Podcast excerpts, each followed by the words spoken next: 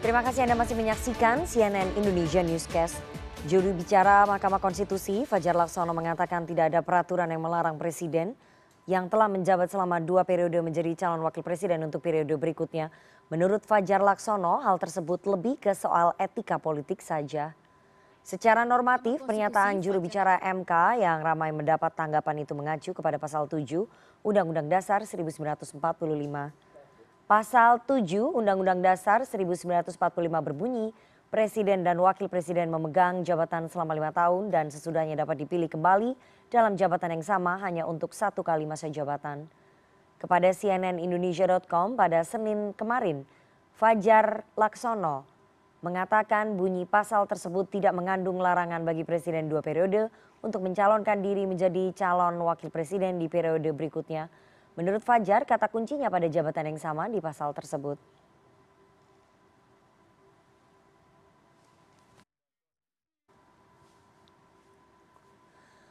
Kemungkinan Presiden Joko Widodo untuk bisa mencalonkan diri menjadi calon wakil presiden di 2024 ramai belakangan. Wacana itu terlontar dari juru bicara Mahkamah Konstitusi Fajar Laksono yang menyebut tidak ada larangan di Undang-Undang Dasar untuk Jokowi kembali maju di 2024 meskipun hanya sebagai cawapres. Apakah ini akan menjadi opsi dari kebuntuan wacana Jokowi tiga periode yang banyak ditentang?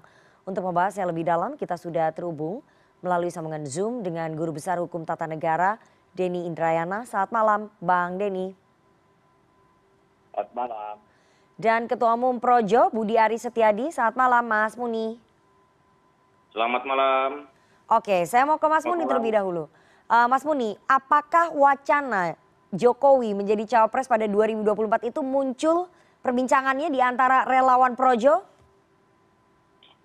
Wacana ini kan dilontarkan oleh uh, pihak lain. Hmm yang juga uh, mengharapkan uh, Pak Jokowi untuk berkontestasi dalam Pilpres 2024. Tapi menurut hemat kami kan begini, sesuai dengan konstitusi, pencapresan itu kan ranahnya partai politik atau gabungan partai politik. Itu haknya partai politik dan gabungan partai politik. Nah, jadi kalau soal uh, wacana Pak Jokowi menjadi wapres ini kan satu tergantung partai, ik mau mengusulkan atau tidak. Yang kedua yang bersangkutan Pak Jokowinya mau atau tidak, begitu loh. Oke, tapi, tapi sebagai wacana kami menganggap hmm. bahwa hmm. ini kami memaknainya ya, hmm. kami memaknainya sebagai bahwa cawapres itu nanti adalah sosok yang direkomendasi atau diendos oleh Jokowi.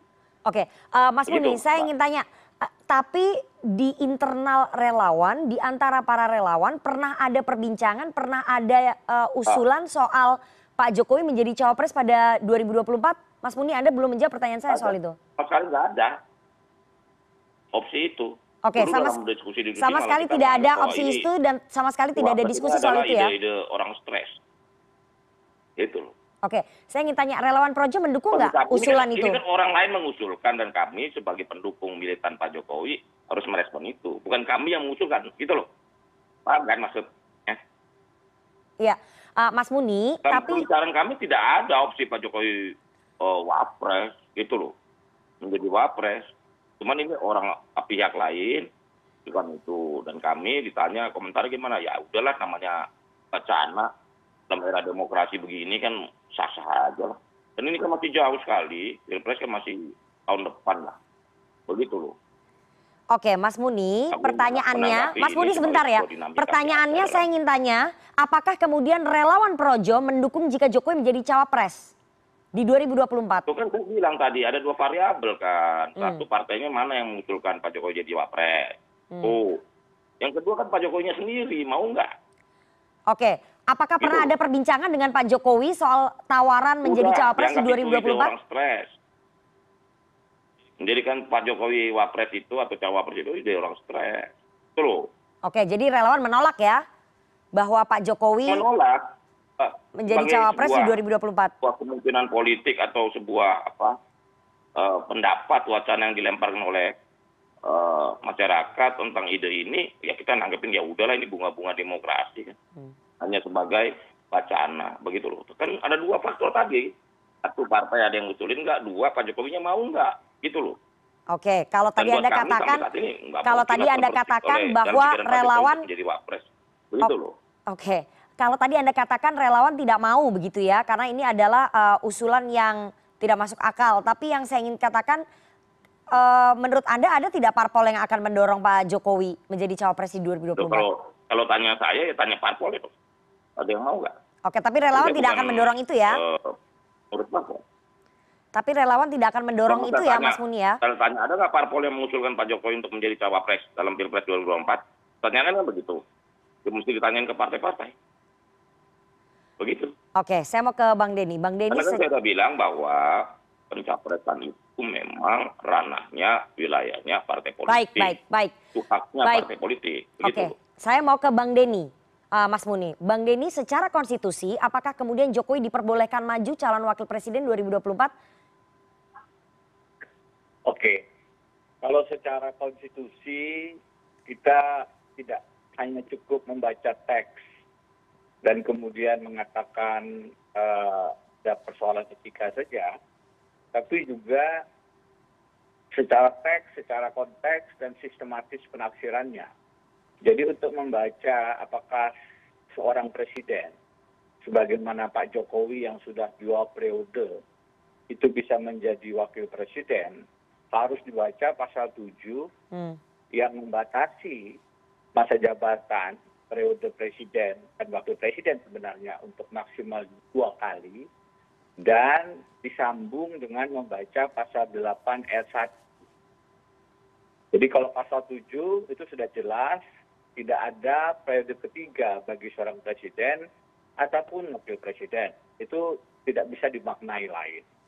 Jadi kalau ada eh, wacana untuk menjadikan siapa pun, tidak hanya Pak Jokowi, untuk maju ke periode ketiga, maka itu melanggar konstitusi. Bagaimana kalau dalam periode ketiga, setelah dua periode, maju sebagai wakil presiden? Hmm. Maka itu pun melanggar konstitusi. Oke. Tidak hanya melanggar etika. Kenapa? Baca pasal 8 ayat 1 Hmm. Hmm. yang mengatur dalam kondisi seorang presiden itu mangkat, berhenti, diberhentikan, tidak dapat melaksanakan kewajibannya, maka dia digantikan oleh wakil presiden. Jadi kalau dalam periode 2024 nanti Pak Jokowi menjadi wakil presiden dan karena satu dan lain hal presidennya mangkat, berhenti atau diberhentikan, maka secara konstitusi yang naik menjadi presiden adalah wakil presiden. Padahal tidak bisa karena Pak Jokowinya sudah lebih sudah melaksanakan periode kedua. Hmm. Jadi wakil presidennya kemudian tidak bisa melaksanakan amanat konstitusi untuk menggantikan sang presiden. Ini yang harus dibaca secara menyeluruh. Karena itu Pak Jokowi yang sudah menjabat dua kali presiden tidak bisa menjadi wakil presiden karena kan berpotensi melanggar pasal 8 ayat 1 Oke. yang mengatur sekali lagi jika presiden berhalangan wakil presidennya naik. Lagi-lagi saya ulang, Presiden Jokowi tidak bisa Baik. Naik karena sudah menjabat dua periode. Nah itu yang seperti itu harus dibaca dalam satu satu kesatuan secara sistematis. Tidak boleh satu pasal Undang-Undang Dasar kemudian dilanggar karena ternyata presiden yang sudah dua periode menjadi wakil presiden. Baik, artinya uh, usulan Pak Jokowi menjadi cawapres di 2024 itu jelas-jelas melanggar konstitusi. Mas Muni, Anda sependapat bahwa ini melanggar konstitusi? Tuh, kan saya mengatakan begini. Wacana Pak Jokowi sebagai cawapres itu kami memaknainya bahwa nanti ca- cawapres yang akan maju itu adalah yang di-endorse oleh Pak Jokowi. Gitu loh. Yang bersangkutan juga belum tentu mau kok. Partai juga belum usul. Ini kan ide dari teman-teman yang mau mendukung Prabowo Jokowi kan begitu. Hmm. Kami meresponnya. Begitu loh. Bahwa kita kan juga punya kebijaksanaan. Tapi kan sebagai naratif, wacana biar aja. Saya sih bilang sah sah aja. Karena buat kami, eh, menuju 2024 ini ya biar aja semua semua opini, semua aspirasi saya diberi kesempatan, diberi ruang untuk eh, bersuara, begitu loh. Oke, eh, tapi kalau menurut Anda meskipun ini hanya narasi yang sah-sah saja, tapi kalau misalnya itu menjadi kenyataan ini melanggar konstitusi nggak menurut Mas Muni? Loh, itu nanti, jadi jangan berasumsi dong. Oh jadi dalam pendapatnya relawan Projo saat ini narasinya sah-sah saja, eh, Ya, tapi silakan padahal secara kan ahli- hukum kan tata negaranya mengatakan bahwa bahwa itu melanggar konstitusi. menuju 2024, menuju 2024 ini semua wacana silakan dimakan. Saya Hmm. tahu yang against ini kan orang-orang yang katakanlah tidak suka sama Pak Jokowi Oke. atau against Pak Jokowi. Hmm. Dalam kacamata kami seperti itu. Baik, Karena jangan salah loh, ada 37 persen hati Pak Jokowi. Menurut data kami. Ya. Dan ini dan saya- dalam hitungan politik kami, uh, endorsement Oke. Pak Jokowi sangat berpengaruh dalam kontestasi 2024. Baik, Ma- Begitu, eh, Bang. Rifana. Oke, Bang Denny, kalau menurut Mas Muni, narasi Pak Jokowi menjadi cawapres ini sah-sah saja. Narasi yang melanggar konstitusi ini sah-sah saja untuk disuarakan, Bang Denny.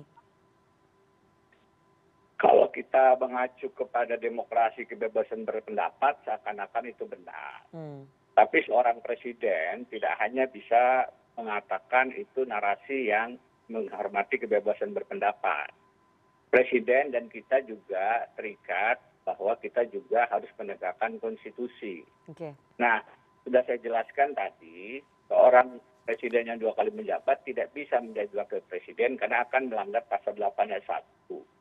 Yang bisa, secara hukum yang bisa adalah pada periode pertama anggaplah eh, Presiden Jokowi misalnya lima tahun menjabat. Pada periode kedua dia menjabat sebagai wakil presiden.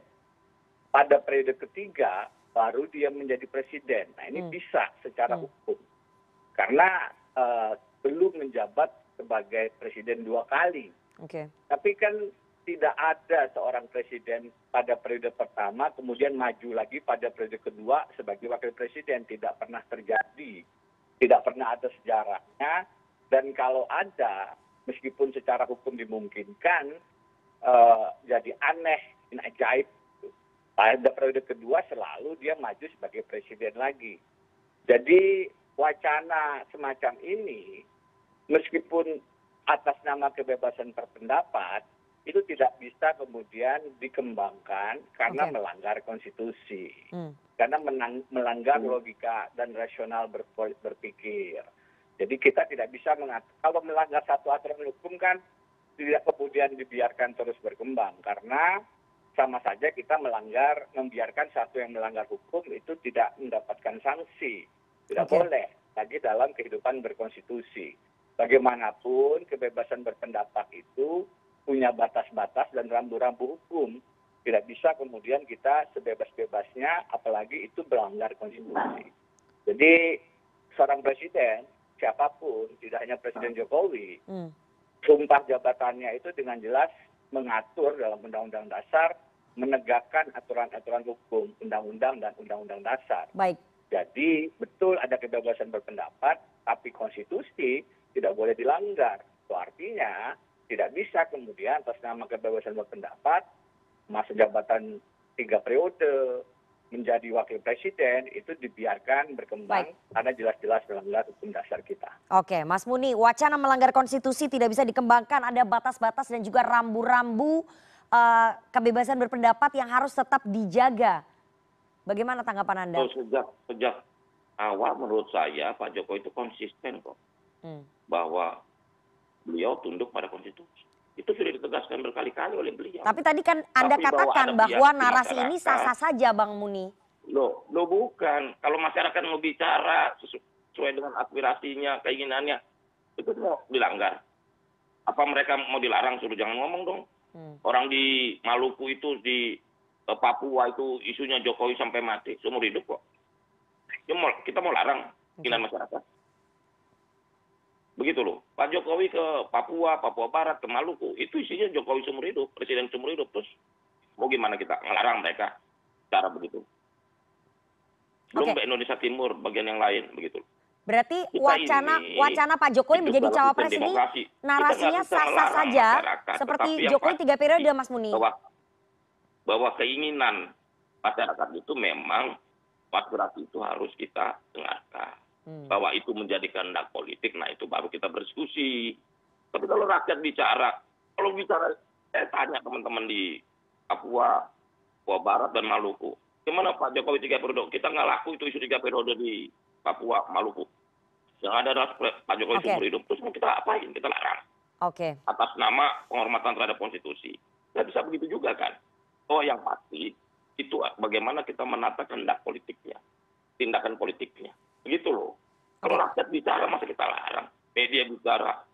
Itu kan bagian dari menurut saya Hmm. itu adalah bagian kecintaan rakyat terhadap Pak Jokowi. Itu aja. Oke, Mas Muni, berarti. Mas Muni, berarti narasi eh, Presiden Jokowi tiga periode itu juga sah-sah saja untuk diucapkan. Loh di di Indonesia Kemudian- Timur, di Papua, Maluku, Pak Jokowi seumur hidup kok. Oke, berarti narasi menurunkan Pak Jokowi juga sah-sah saja untuk diucapkan. Padahal itu Loh, tindakan Pak makar terhadap pemerintahan bilang, yang sah. Loh, Pak Jokowi udah bilang, oh, kalau orang ngomong tiga periode dilarang, orang yang mau minta ganti presiden juga di alam demokrasi. Tapi kan demokrasi ada batasnya, Mas Muni. Kenapa mesti, mesti ketakutan dengan tayangan sendiri? Begitu loh. Kalau you bilang boleh ganti presiden boleh, masa orang bilang lanjut terus nggak boleh. Kita kan harus equal dong dalam apa eh, bermasyarakat dan bernegara ini. Gitu. Oke, oke. eh, saya mau ke eh, ke Bang Denny. Bang Denny ini bahwa eh, iklim demokrasi harus tetap ada batasannya. Ini bagaimana kalau misalnya semua wacana-wacana yang berpotensi untuk melanggar konstitusi kemudian dibiarkan begitu saja dan menjadi konsumsi publik membingungkan masyarakat, membingungkan publik. Padahal sudah ada jelas aturannya diatur di Undang-Undang Dasar 1945, Bang Denny. Iya. Ya harus diberikan pendidikan politik yang Hmm. clear ya sebagai sebagai satu kebebasan berpendapat, menyatakan seumur hidup, menyatakan tiga periode dianggap kebebasan berpendapat seakan-akan itu tepat. Hmm. Tapi sebagai presiden yang tunduk pada konstitusi, Presiden Jokowi juga berkali-kali mengatakan saya tunduk pada konstitusi Ya. dan karenanya meminta harusnya itu diberhentikan wacana-wacana itu. Dia sudah minta menteri-menterinya berhenti, eh, harusnya juga bisa kepada elemen-elemen kelompok-kelompok relawannya untuk berhenti, Hmm. tidak kemudian dibiarkan juga. Karena bagaimanapun kalau dibiarkan yang rugi Pak Jokowi sendiri seakan-akan memang beliau berada di balik gerakan itu satu. Baik. Seumur hidup dan tidak seumur hidup ini kan kita sudah pernah punya pengalaman ya. Ya. Bagaimana uh, Presiden pertama Bung Karno, bagaimana uh, Pak Harto di masa Orde Baru, meskipun dipilih setiap lima tahun, pada dasarnya juga punya kesamaan. Dan ujungnya kita akhirnya terjebak pada uh, rezim yang otoritarian. Jadi belajar dari pengalaman-pengalaman itu, kebebasan itu tidak bisa kemudian melanggar aturan dan aturan yang sudah ada konstitusi harusnya dijadikan dasar buat kita semua untuk mengatakan kebebasan berpendapat kita hormati tapi konstitusi harus kita tegakkan karena itu wacana tiga periode dan wacana menjadikan uh, Pak Jokowi menjadi wakil presiden yang melanggar konstitusi harus dihentikan. Pak Jokowi sendiri yang harus dengan tegas menyatakan itu Oke. dan tidak kemudian dengan mengatakan misalnya partai politiknya mengusulkan atau tidak. Ya. Bagaimana mungkin ini ini wacana yang melanggar konstitusi. Hmm. Wacana yang melanggar konstitusi kok menyerahkan kepada partai politik untuk mengusulkan atau tidak. Pak Jokowinya mau atau tidak loh. Bagaimana? Hmm. Pak Jokowi tidak bisa mau. Partai politik tidak bisa mengusulkan. Karena tidak dibuka ruangnya oleh konstitusi kita. Ya. Ya. Jadi hal-hal semacam ini harus jelas. Tidak bisa kemudian kita di atas nama konstitusi menyerahkannya kepada Pak Jokowi berkenan atau tidak. Saya juga Pak Jokowi tidak mau jadi wakil presiden. Tapi Oke. persoalannya bukan mau atau tidak. Adalah eh, wacana semacam itu tidak mungkin ditanyakan ke Pak Jokowi. Baik. Sebagaimana tidak mungkin kemudian kita mendorong Jokowi tiga periode karena melanggar konstitusi. Baik. Gitu. Eh, setelah ini kita akan bicara lebih dalam soal etika politik dan endorsement yang tadi sudah dimention ataupun sudah disebutkan oleh Mas Muni apa maksudnya endorsementnya Presiden Jokowi? Apa kepentingannya ini? Apakah kemudian ini bertentangan dengan etika politik? Uh, jangan ke mana-mana, tetap bersama kami di CNN Indonesia Newscast.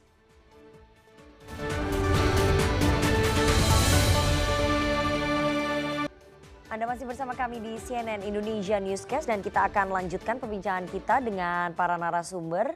Malam hari ini ada Budi Ari Setiadi, Ketua Umum Projo, dan Denny Indrayana, Guru Besar Hukum Tata Negara.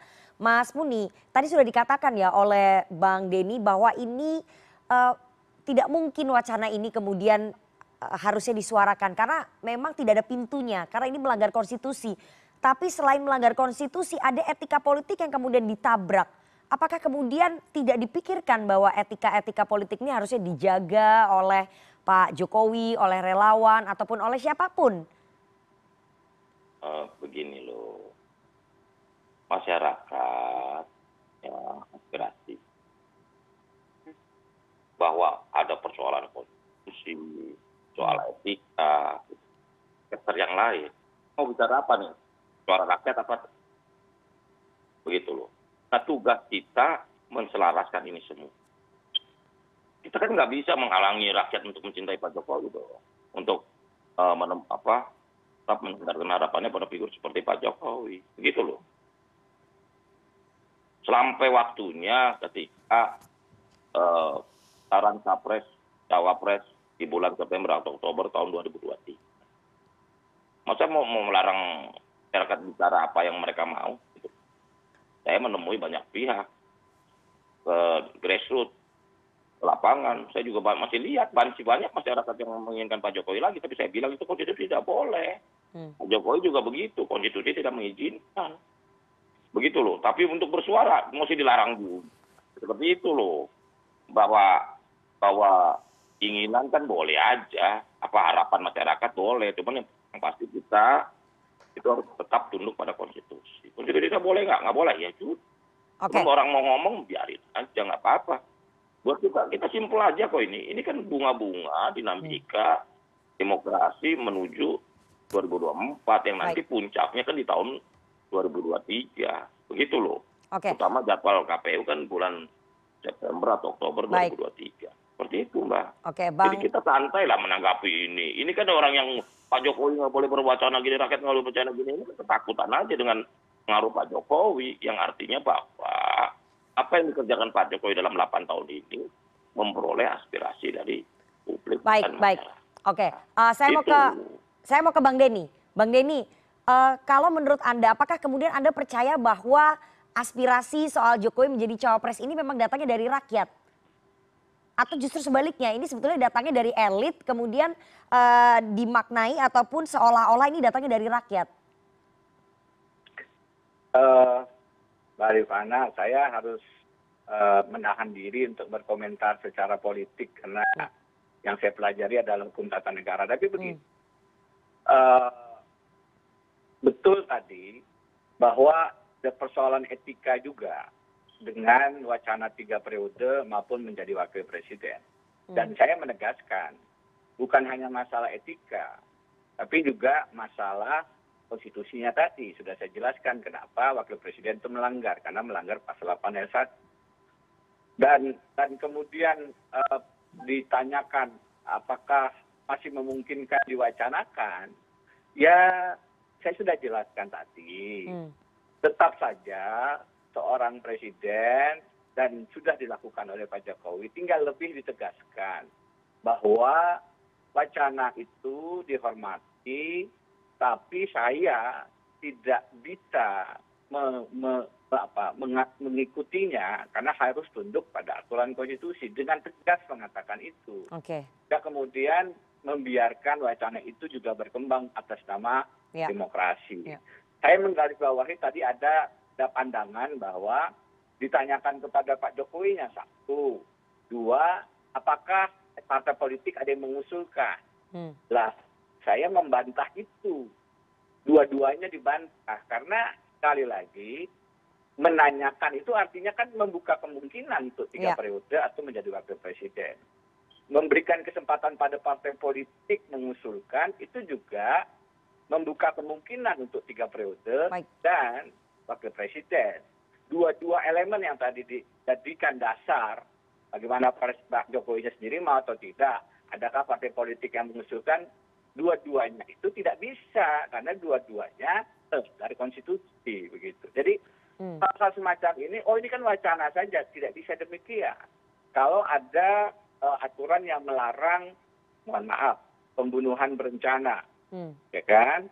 Kemudian kita mengatakan ya, dong. jangan maksudnya agak berbeda dong, Prof. Siapa pun boleh saja. Jangan, jangan membandingkan apel dengan jeruk dong. Walaupun ini politik, demokrasi, satu sisi tentang Sebentar Mas Muni. masyarakat. Jangan disamakan dengan Jadi ada pembunuhan apa berencana enggak dong. Ini Sebentar Mas Muni satu-satu. kemudian membicarakan atau berwacana itu juga harus jangan, tidak boleh ini adalah ada etika. Presiden sudah bilang jangan, itu melanggar konstitusi. Kemudian kita nggak bisa larang orang ngomong pembunuhan berencana itu kemudian uh, terus berkembang karena atas nama demokrasi. Sama, okay. akan membunuh konstitusi. Tuh, um, gini, kalau nggak percaya, uh, Rifana, tim CNN, coba ke lapangan, coba ke Indonesia Timur, ke NTT, masyarakat, nggak usah ada Oke. Ada. Uh, Sebentar Mas Muni, satu persatu, saya beri kesempatan dulu ke Bang Denny. Kemudian ada Wakil ya, ya. Presiden, Pak Jokowinya pelanggaran konstitusi berjamaah semacam ini tidak bisa dibiarkan dan okay. yang paling di depan ya. untuk mengatakan itu hentikan saya menghormati konstitusi tidak boleh diteruskan wacana ini adalah presiden. Baik, baik. Silakan Mas Muni menanggapi. Itu sudah dilakukan oleh Pak Jokowi memang. Okay. Presiden sudah tegas dia bilang bahwa saya tunduk konstitusi. Saya nggak boleh karena konstitusi tidak mengizinkan saya untuk tiga periode itu tegas Pak Jokowi katakan itu. Hmm. Jadi ini dua hal nih. Jika presiden sudah jelas dalam berbagai kesempatan Pak Presiden sudah bilang saya mau larang oleh konstitusi untuk maju. Tapi apa terus kita melarang masyarakat untuk bicara? Anda mau bukti bahwa rakyat ada yang mau, rakyat ada yang mau. Ayo coba ke lapangan ke tanya ke masyarakat secara langsung tanpa rekayasa. Itu di dalam hati mereka. Oke, Mas Muni. Mas Muni bahwa Pak Presiden, sebentar Mas Muni. Bahwa Presiden kami sebagai organisasi pendukung Pak Jokowi, kami menangkapnya itu bagian dari kecintaan Oke, bahwa presiden sudah menolak, bahwa presiden sudah menolak wacana itu, tapi saya ingin iya. tanya, apakah presiden menikmati ketika wacana itu bergulir? Karena presiden tidak mengatakan dengan tegas, apakah presiden menikmati bahwa wacana itu bergulir, uh, bahwa masih banyak masyarakat yang menginginkan beliau, presiden tidak menikmati? Loh kalau soal menikmati ya tanya yang bersangkutan, maksud tanya saya. Relawan menikmati nggak dengan adanya gitu. itu? Tapi maksud saya bahwa kan Pak Jokowi bertemu langsung dengan rakyat. Oke. Okay. Dan rakyat menyampaikan aspirasinya secara langsung. Itu bisa dilihat kok kasat mata kok. Dan tanpa rekayasa. Oke. Okay. Makanya kalau ada orang yang nggak percaya, coba yuk saya ajak nanti ke daerah beberapa tempat di daerah yang terhadap Pak Jokowi begitu luar biasa. Baik. Tanya mereka langsung tanpa direkayasa. Oke, Mas Muni, saya ingin tanya ya. Tadi Anda Anda sempat mengatakan soal endorsement. Ini sebagai bentuk endorsement Presiden Jokowi kepada cawapresnya Pak Prabowo. Ini maksudnya apa? Apa kepentingannya Presiden kemudian uh, mengendorse cawapres untuk tokoh-tokoh salah satunya Pak Prabowo yang akan maju sebagai capres? Apa ini kepentingan endorsementnya? Begini loh, Pak Jokowi itu sebagai presiden pasti di 2024 dia akan ya. Begitu loh. Tapi bahwa semua pihak Eh, menanti preferensi-preferensi Pak Jokowi untuk mendukung siapa, saya pikir uh, itu kita tunggu waktunya. Karena begini loh, kandidat terkuat hari ini kan sebagian besar ada di kubunya Pak Jokowi, pemerintahan ini. Hmm. Itu loh.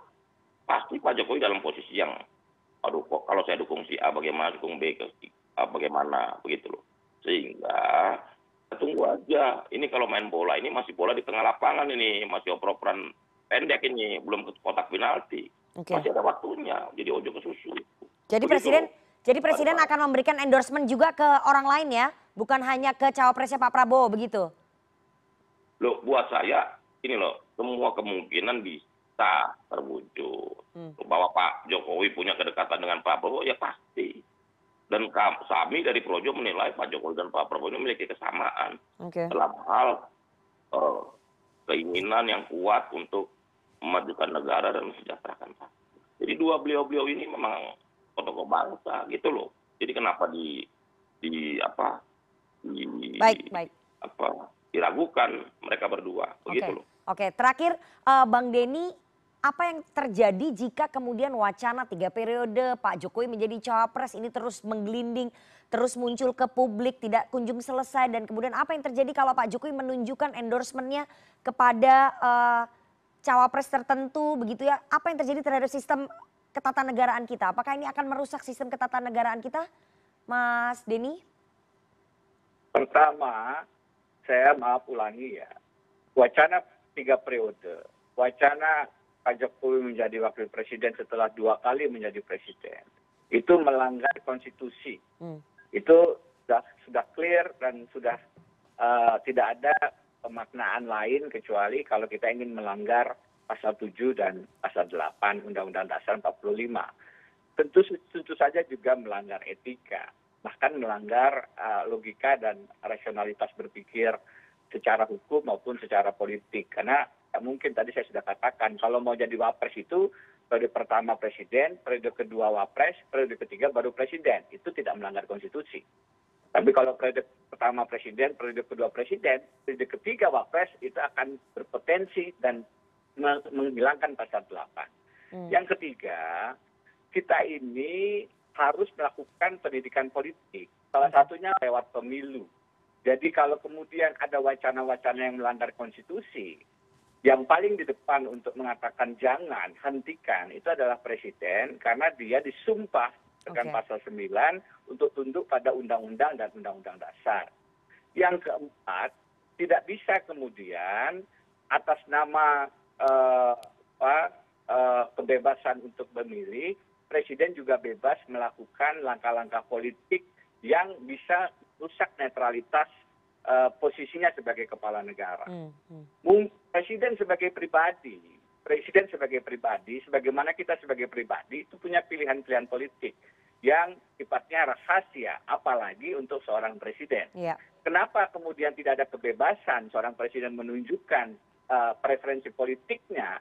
meskipun sangat boleh jadi dia ingin melakukan regenerasi kepemimpinan untuk menjamin program-programnya tetap berjalan, karena pada diri presiden tidak hanya melekat kebebasan untuk menyalurkan aspirasi dan preferensi politiknya, tapi kepada presiden dan seluruh aparat negara juga ada tanggung jawab untuk bersifat netral, hmm. imparsial hmm. dalam hmm. politik, dalam okay. pemilu.